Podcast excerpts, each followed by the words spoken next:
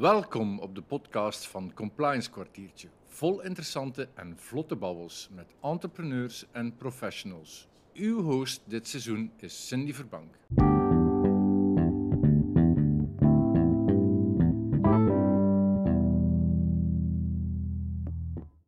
Dag Ilse, goedemiddag. Hallo. Welkom. Dankjewel om in te gaan op de uitnodiging. We gaan het vandaag eh, hebben over integriteit. eh, en ik moest onmiddellijk aan jou denken. Kan Mhm. je eventjes eh, jezelf voorstellen en vertellen waar je dagelijks mee bezig bent? Goh, hoeveel tijd heb je? Tijd genoeg. Oké, ik ben dus Ilse de Vis. Ik ben presentatrice, maar ook presentatiecoach. Daarnaast ben ik ook therapeut en ehm voice-over. Dus ik doe een klein beetje van alles eigenlijk. Oké. Eh, betekent dat je heel veel in aanraking komt met mensen. En dat zijn niet de gemakkelijkste beestjes, de mensen. Eh, wat is jouw ervaring als we het kunnen hebben over integriteit? Eh, zijn er bepaalde zaken die voor jou duidelijk zijn of net niet? Ja. Of nog werk aan de winkel? Mhm. Ik kijk daar natuurlijk op een, op een andere manier naar. Ik kijk daarnaar als anderzijds coach, enerzijds als therapeut. Ehm, en dan bedoel ik coach, presentatiecoach, hè, om bepaalde technieken over te brengen van hoe kan ik mijn boodschap helder krijgen en hoe breng je dat over met de nodige impact. Eh, anderzijds als therapeut merk ik dat het heel moeilijk is voor mensen om integer te zijn. En dan zeg ik vooral durven zijn. Want er hangen ook wel wat consequenties aan vast soms. Als ik mezelf ben, wat gaan mensen dan van mij denken? Komt er onmiddellijk bij. Dus ik merk dat het voor mensen niet makkelijk is om heel integer, authentiek te zijn in het brengen van hun boodschap. Dat ze zich blijven vasthouden aan heel veel tekst, heel veel woorden en heel weinig eh, vasthangen aan emotie en gevoelens en hoe ze er echt over denken. Betekent het dan ook dat je het kan aanleren? Integer zijn? Integer zijn? Hmm. Ik denk dat het een, een manier is van het te durven zijn en daar ook echt op te werken. Maar dat er echt op gewerkt moet worden dan. Ja. Dus er bestaat wel zoiets als integer presenteren. Ja, vanuit die, eh, die kwetsbaarheid. En we kennen allemaal Brene Brown, die, eh, die TED-speaker die over vulnerability praat. En ja, het is echt zo. Het, het vraagt ergens ook om een stukje van je ego opzij te zetten. En ook het gevolg in de ogen durven kijken. Van, oké, maar stel dat ik hiervoor word afgewezen. Of stel dat ze zeggen, wat was dat? dat ook aankunnen en dat ook een plaats geven. En dan eventueel ook te doorvoelen hè, dat dat misschien wel pijn doet als daar commentaar op komt. Maar ook kunnen kijken van, van waar komt die commentaar van mensen. Is dat vanuit een bepaalde jaloezie van ik wou dat ik dat ook kon, maar dan bitsig daarop reageren. Dus altijd kijken vanaf de plek dat iemand iets tegen jou zegt van commentaar. Ja, dat is ook zo. Hè. Eh, meestal als je dan inderdaad dicht bij jezelf blijft, dan noemen wij dan authenticiteit, eh, is het wel zo dat je bakken kritiek krijgt. En dan vraag je inderdaad af van waar komt dat? Ja. Ehm, is het omdat ik de waarheid vertel? Is het omdat, er, eh, omdat ik ergens ook wel rechtstreeks ben? Want het wordt ook wel vaak Ja. aanzien als iemand met een grote mond, terwijl je dat eigenlijk wel zeer diplomatisch en pragmatisch naar voren brengt. Maar toch, je raakt bepaalde mensen ook op bepaalde thema's waarvan men het niet verwacht. Ja. En eh, je ziet het dikwijls op Facebookgroepen of andere eh, platformen. Je eigen gedacht zeggen op een integere manier. Je krijgt eigenlijk de wind van voor. Ja, ja er, zijn, er is natuurlijk ook een verschil, zeg je je gedacht of deel je je gevoel. Mhm. Maar met allebei kunnen, kan niet iedereen om. Ik, eh, ik heb dat heel erg geleerd, hoe kwetsbaarder dat ik werd, hoe meer mensen in mijn omgeving zijn weggevallen. Maar hoe meer mensen er zijn bijgekomen die ook wel integer en authentiek durven zijn. Want als je authentiek bent en je zegt je gevoel, je, je deelt een gevoel vanuit, een, vanuit kwetsbaarheid, dat is heel confronterend voor mensen die dat niet kunnen. Dus mensen die dat niet kunnen, die gaan jou wegduwen daarom. Mhm. En zo kan het ook wel in een bedrijf zijn waar er heel weinig kwetsbaarheid en integriteit is. Dat je als de, het zwarte schaap wordt gezien of weirdo of eh, noem maar op. Maar de kunst is om daar ook in te durven blijven staan. Of te saai. Dus wat bedoel je met de saai? Ja, je bent dan correct, hè. En mensen zien correctheid of gaan correctheid vaak associëren met saaiheid. Ah ja, zo'n spelbreker of zo. ja, dan, ja, eh, ja, dan ook niet meedoen met de massa natuurlijk. eh. Dat is nog een ander aspect. Hè. Ja. Wij zijn eigenlijk kuddedieren. Gaat de groep naar links, gaat het merendeel van de mensen naar links en ik ga super hard naar rechts en naar achter. ik, ik ben daar nogal eh, anders in. Maar dat is altijd ook wel mijn serieus bang hartje. Want je weet ook dat als je dat doet en je voelt dat echt van in je kern, ja, dat daar ook wel afwijzing bij kan horen. Ja. Betekent het ook professioneel dan binnen jouw werkdomein dat je het al hebt, ervaren dat er mensen zeggen van ja, nee, ik zie dat zo niet, ik doe dat niet op die manier. eh, kan leiden tot verkeerde boodschappen of totaal niet wat ik beoog, hè, want meestal is het ook om een commercieel oogpunt. Ja, ja dat is zo. Hè. Ik, als presentatrice voor events moet ik vaak de boodschap brengen van een bedrijf. En dan, eh, ik heb bepaalde ik heb best grote klanten die dan een boodschap willen delen, maar dat ik zelf ook klant ben bij dat bedrijf. En dat ik zeg, maar zo ervaar ik dat niet als klant. Dus het voelt voor mij niet correct om dit te zeggen en ik ga dat ook niet doen, want het klopt niet. Jullie willen dat wel heel graag, maar het is in de realiteit niet zo. Dus hoe kunnen we dit nu anders zeggen dat we nog altijd wel de waarheid aan het spreken zijn? En dan zie je mensen soms zo kijken van ja, ja, ja, ja. En ja, dan zou het al wel eens kunnen, kunnen botsen, maar aan de kunst is om het dan zo, zo zacht mogelijk aan te brengen van hoe kunnen we dit nog anders aanpakken. En komen jullie dan tot een consensus? Ja. Of, ja, toch meestal wel, dat is al Ja. goed. maar het gebeurt niet zo heel vaak meer hoor. Maar ja, ik ben gestart als model eh, toen ik zo 17 was. En dan, ja, dan, dan speel je zo het perfecte plaatje. Of, ehm, of bijvoorbeeld, ja, ik heb heel lang voor, voor Danone, Activia. eh, ja, zij beweren dat het dan heel goed is voor de darmen. Maar ik kan mij ik kan echt garanderen, als je zo een hele dag Activia eet, dat het dan eh, het averechts eh, heeft. En denk ik, ja, waar, waar zijn we dan mee bezig? Want wij doen hier wel alsof het geweldig is, maar in de realiteit is dat dan eigenlijk niet. En ik voelde mij op een gegeven moment echt een fraudeur. Het was niet meer echt. Ik was aan het pretenderen dat ik bijvoorbeeld een heel gelukkig gezinnetje was, maar ondertussen was ik net uit elkaar en was ik helemaal heartbroken. Maar ik was wel aan het doen alsof ik een happy family was voor een of ander merk. Dat zijn dingen die ik nu niet meer kan. Je zet er dus eigenlijk een masker op. Ja, Ja. en dat heb ik doorgetrokken in heel die presentatiewereld. Je staat daar op een podium als een presentatrice, maar eigenlijk ook als een, een popje. Popje van een bepaald bedrijf en je, je deelt daar je visie van een bedrijf, maar die is niet van jou. Maar je doet wel, hè. mensen komen dan nadien van, ah, en, hoe lang werk jij dan al voor dit bedrijf? ja, niet, maar ik heb het blijkbaar goed eh gefaked dat ik, dat ik er wel voor werk, of want het was heel geloofwaardig. Maar dat voelt niet meer goed, hè. Als je niet echt kunt zeggen dat het echt zo is. Mhm. Leeft dat ook bij collega's van jou, denk je, die dezelfde, hetzelfde pad bewandelen of bewandeld hebben? Ik denk dat het afhangt van, eh, van de mate van bewustzijn van mensen, of dat ze daar echt problemen mee hebben, ja of nee, en hoe ver dat je daar ook in staat.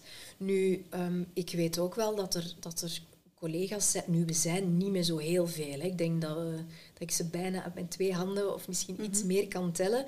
En ik weet ook wel, die kan je niet voor de kar spannen voor, voor iets dat echt ongeloofwaardig is. Die hebben allemaal hun mening, visie en integriteit. Ehm, maar we zijn niet allemaal hetzelfde natuurlijk. En dat wordt toegelaten ook op zulke momenten dat jullie daar een mogelijk andere mening over hebben? Kan men daarmee Goh, om? Ik denk dat je daar op voorhand al uitkomt in een voorbereidend gesprek. En ik probeer altijd ehm, duidelijk te maken dat het belangrijk is dat je authentiek bent.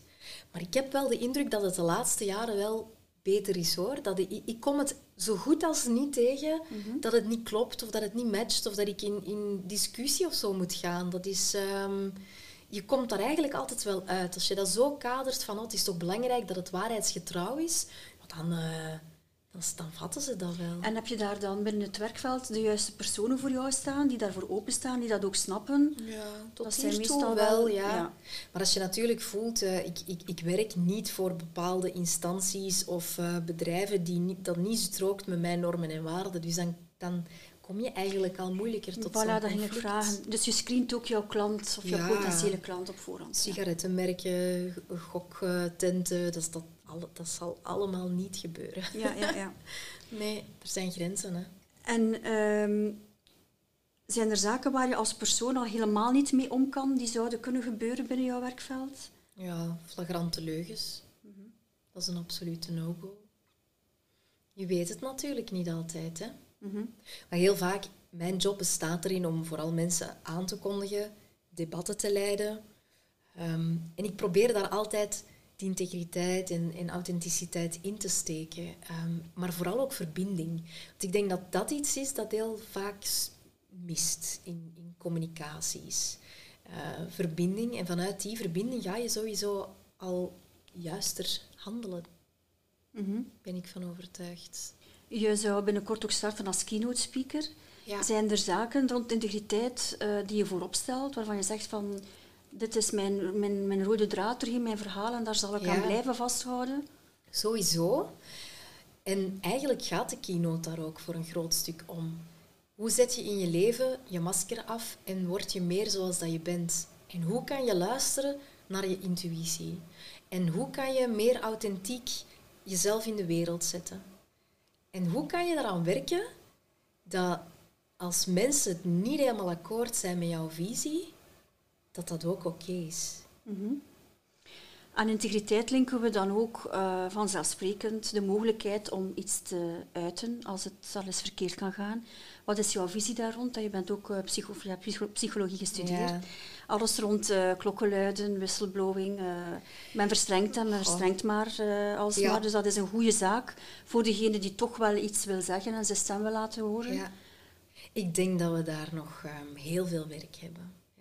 Kijk dan bijvoorbeeld naar eh, professor Matthias de Smet. Die heeft een hele andere visie ehm, over, het, over het hele coronabeleid. Helemaal gestaafd door de psychologie en door de geschiedenis. Daar kan je niks op aanmerken. Alles is ehm, ja, backed up with evidence. Hè. Het is heel evidence-based. En toch krijgt die man eigenlijk weinig podia. Of krijgt hij weinig podium in, in de mainstream media. Omdat er dan van bovenaf, ja, hebben ze dan niet zo graag dat iemand een andere visie heeft en de massa, in plaats van naar, die ze naar links willen, naar het midden eerder krijgt of meer naar de andere kant krijgt. Dus ik denk dat er nog heel veel werk is, want dan merk ik bijvoorbeeld recent in de pers dat er een half uur over Matthias de Smet gepraat wordt, maar niet met Matthias de Smet. En dan denk ik, waarom niet? Mag er een andere mening geuit worden? En ik denk dat daar nog wel een groot taboe rond zit. En dat is ook heel spannend, hè? want dat is volgens onze psychologie is dat heel simpel. Onze biologie, als je anders bent dan de kudde, word je uit de kudde gezet, heb je geen kans tot overleven. Gelukkig overleven we nu wel, maar die angst die zit nog altijd in ons brein. Ons reptiele brein reageert daar nog altijd heel erg op. Dus ja, ik denk dat er nog wel een weg af te leggen is. Ik denk het ook. We Eh, zijn al onderweg, hè? Dat is ja, al ja, ja, het is al, het is al goed. En eh, het is altijd leuk om te zien dat er toch nog mensen zijn die, eh, ja, die een stem willen laten horen. Ik las vanmorgen op Facebook ook in een HR-groep van een HR-professional die het eigenlijk kotsbeu was. Ah. Die zei van, wat is er toch aan de hand in deze wereld? Ik zie alsmaar dingen gebeuren, ook op de Ja. werkvloer. Men doet er niks aan. En dan probeert men tips te geven rond goed leiderschap, want het moet natuurlijk top-down gebeuren. Hè. Ja.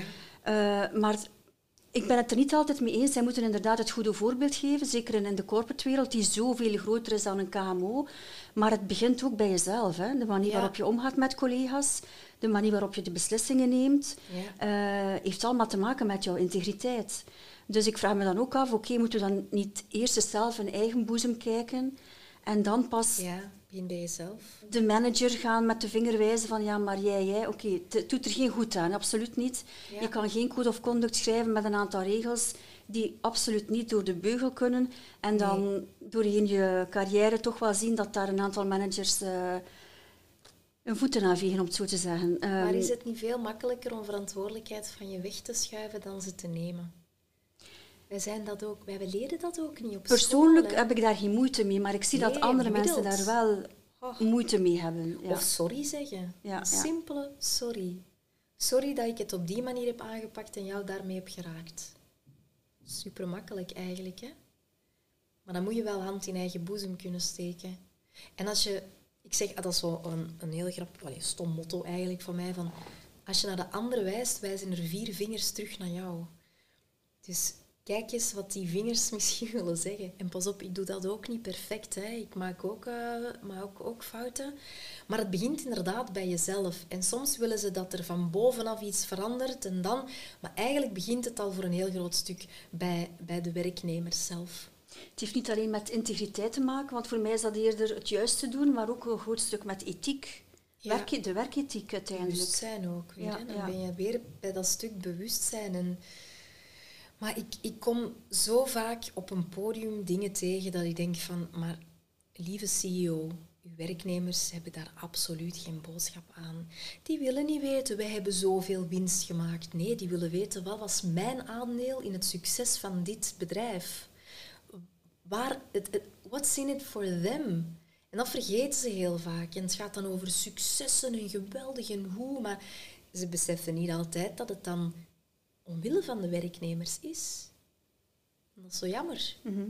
Nu, los van, eh, van de mogelijkheid op greenwashing, heb ik wel het gevoel dat meer en meer bedrijven bezig zijn met die communicatie daar rond. En dat toch wel Ja. proberen op een meer authentieke wijze naar voren te brengen. Eh, je ziet wel vaker... Ze zijn maar weinig hoor, maar er zijn ja, er... Vandaar Er- die ja. Er, er zijn er die toch wel een poging doen en dat vind ik al knap. Van oké, we gaan het er niet zo corporate doen, we gaan het op een andere persoonlijke manier aanpakken. En dan zie je wel dat, die, eh, ja, dat er een enige trotsheid is bij de werknemers van oké, dat is wat we willen zien. Dat is het bedrijf waar ik voor wil werken, waar ik trots op ben dat ik daar kan en mag werken. Ja. Eh, want dat is uiteindelijk ook nu wat, eh, wat de, de HR-wereld ervaart. Het moet goed zitten voor de werknemer in de eerste plaats. Ehm, dus dat zie ik wel... Misschien heeft het te maken met die sustainability of de rapportering daar rond. Want daar moet men ook open en eerlijk in zijn. Hè. Anders wordt men eerst snel eh, beschuldigd van greenwashing. Dat men daar toch ook zegt van we gaan dat doortrekken naar de volledige communicatie in de corporate wereld. Ja. En we gaan niet alleen over sustainability op een vlotte manier, op een eerlijke manier praten, maar we gaan dat ook over andere aspecten binnen ons bedrijf doen. Wel, Cindy, ik vraag mij soms af, in welke mate is het authentiek ten opzichte van een strategie? Heel vaak sustainability. Ik heb, ik heb nu zelf op Kanaal Z een programma rond, rond duurzaamheid. En ik stel mij soms de vraag van, ja, maar is het echt zo? Zit het in de kern van uw hart en uw ziel?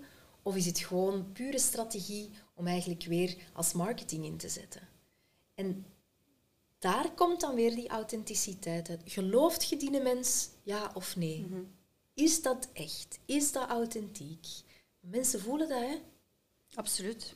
Dus ik zie heel vaak dat het een strategie is in plaats van dat het echt een beheerste kunst is en het echt voelen. Ik denk de, de bedrijven die er, eh, die er nu als meest eerlijke of meest geloofwaardige uitkomen, Ja. zijn die bedrijven die er al heel lang mee bezig zijn. Dan Ja. spreek ik over twintig jaar terug, toen het woord sustainability of duurzaamheid nog, niet eens bestond. Ja, we spraken daar niet hot over. En degenen die er nu heel hard mee bezig zijn, ja, het moet. Hè. Er zijn eh, regels opgelegd, er is een wetgeving rond, dus Ja, men moet ja. rapporteren. Eh, maar inderdaad, het authentiek krijgen, opdat het niet lijkt alsof het een tick-the-box oefening is, is een, is een serieuze uitdaging. Ja, dat is zo. En ja, en dan kan je gaan kijken van oké, hoe pak je dat aan? Hoe kan je dat echt gaan leven? Hoe kan je dat laten leven bij de mensen? En dan kom ik weer terug op die verbinding tussen mensen. Heb, je, heb je een bedrijf of heb je een community? Heb je een groep mensen los van elkaar of heb je echt een samenhangende groep? En dan kan je veel meer bereiken, denk ik. Maar het moet echt van, van iemand zijn kern komen. Anders dan komt er gewoon geen beweging. Dat is zoals iemand eh, doen stoppen met roken. Ik kan dat niet. Ik kan jou bijvoorbeeld niet doen stoppen met roken, moest jij roken. Dan moet van jouzelf komen. Ik kan jou nog bestoken met duizend redenen waarom en hoe. En want ik voel het en kom aan en we moeten rapporteren. En maar als jij niet wil stoppen met roken, stop jij nooit met roken. Klaar. Dat is ook de uitdaging voor vele compliance officers, want bij wie leg je die grote taak, die grote verantwoordelijkheid van we gaan back to basics. Hè. We moeten onze mensen laten voelen. Hè. Dus je hebt Ja. het daar zelf net gezegd, een groot verschil tussen weten en voelen. Voelen van waarom doen we dit. Hè. Dat het echt vanuit jezelf komt, vanuit je kern. Eh, die code of conduct uitschrijven, die be- dat betekent wel iets. Hè. Dat zijn dan ja, de kleurtjes of de lijntjes waarbinnen we mogen kleuren, eh, Ja. afhankelijk van sector tot sector. Maar uiteindelijk ehm, is het toch wel een uitdaging om dat te laten leven. We spreken dan wel over een community. ehm, Ja. Maar het is wel belangrijk dat het eh, één geheel wordt en dat het coherent is, dat het binnen het DNA Ja. van het bedrijf zit. Dat is, een, dat is nog heel wat werk voor de boeg. Dan begint het met het DNA van dat bedrijf. voilà, voilà. Eigenlijk. Ja. En vanuit daaruit vloeit al de rest of vloeit het niet? Floot het of floot het niet? Is het iets dat je denkt dat realiseerbaar is of blijft het wishful thinking?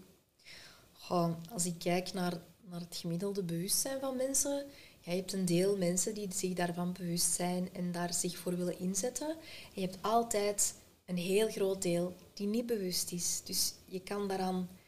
Een vriend van mij zei dit weekend iets heel slim. Zegt, ja kijk, dat is zoals trekken aan een struik om te doen groeien. Op een gegeven moment heb je gewoon de struik vast en zie je de wortels en groeit er niks meer. En ik denk dat dat een beetje hetzelfde is. Hè. Ofwel willen mensen groeien en willen ze een bepaalde richting uit, ofwel ja, blijven ze vastzitten in de grond en groeien ze niet. Er zijn ook veel mensen die hoppen, hè, die dan echt wel jobhopping doen van het een naar het ander.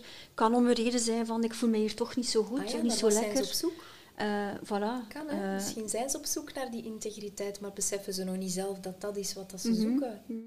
Het gaat niet meer tegenwoordig, de jongere generaties, om, om, eh, om loon of een auto. Of, nee, die willen eigenlijk vrijheid en bewegingsruimte en, en, en aan een goed doel meewerken. Eh. en ik vind dat wel mooi. Daar waren, daar waren de andere generaties nog niet mee bezig. Nee, klopt. Eh, we hadden eh, vorige week ook Elke van Happy Humans op de stoel hier. Ja. En zij had het er ook over. Zij weigert ook uh, tout court de bedrijven die enkel, ehm, ja, die haar enkel inschakelen als tick the box om die Ja. SDG's, die Sustainable Development Goals, te behalen. Check, check, dubbel check. Voilà, klaar. ja. Dus. Die, eh, die weigert ze ook. Eh, ik vind dat een goede zaak uiteindelijk. Mm. Nu, die bedrijven moeten een oplossing zoeken, dus er zal wel eh, via een andere weg eh, iets, iets naar voren komen. Ja, dat wel, maar dan heb je dat tenminste niet op je eigen karma. Mm. Voilà, voilà, teweeggebracht. Voilà. Om te eindigen, ehm, Ja. Ilse, voor jou integriteit, wat, wat betekent het voor jou persoonlijk? Voor mij persoonlijk, als ehm, echt puur persoonlijk, Ja. Hmm. Ik, eh, ik ben een firm believer of the truth. Ik, ik kan niet liegen. Ik voel mij zo vreselijk als ik niet de waarheid vertel. En ik denk dat ik tegelijkertijd al heel veel mensen daar ook mee gekwetst heb. Omdat ik zo eerlijk ben en zo recht door zee. En een Belg kan dat eigenlijk niet aan. Die hebben nog veel liever dat je in je gezicht, dat je in je gezicht liegt, dan dat je de waarheid vertelt. Ondanks van mij weten ze dan waaraan en waaraf. En als ik dan de waarheid vertel en het is heel positief, dan weten ze ook dat dat waar is. Maar mensen hebben soms liever een leugen. Dus dat is voor mij een balans vinden in het leven richting ehm, diplomatie. Dus ik ben zo een beetje meer Nederlands, denk ik. Eh, ja, qua integriteit, recht door zee, baf, klinkt het niet aan bossen. Hè. En ik ben daar nu veel subtieler in geworden, maar ik ben er nog niet. Klinkt zeer herkenbaar, maar ik denk inderdaad dat we maar niet zoveel zijn op deze planeet. Nee, maar het is wel, denk ik, stilletjes aan aan het veranderen. Maar daar komt dan weer die kwetsbaarheid bij. En als je vanuit die kwetsbaarheid dat kan communiceren, dan ga je niet meer richten op feiten, maar op ik voel mij daar zo bij. Zoals de geweldloze communicatie is daar een heel mooi voorbeeld van. Hè. Als, ik, als ik dit zie, dan voel ik mij daar zo bij. En volgens mijn waarden en normen, dat, dat ik belangrijk vind, hè, kunnen we het in de toekomst zo of zo aanpakken. Dat is helemaal anders dan, jij doet altijd zo. Altijd moet jij dat zo doen. Dan ben je aan het wijzen. En je weet dat als je aan het wijzen bent, wijzen er vier vingers terug. Dus, maar dat is ook weer iets dat je moet oefenen. Elke dag. Ik ben ermee bezig. Voilà. Mooie afsluiter. Dankjewel Ilse voor jouw komst. en Graag veel gedaan. succes. Dankjewel.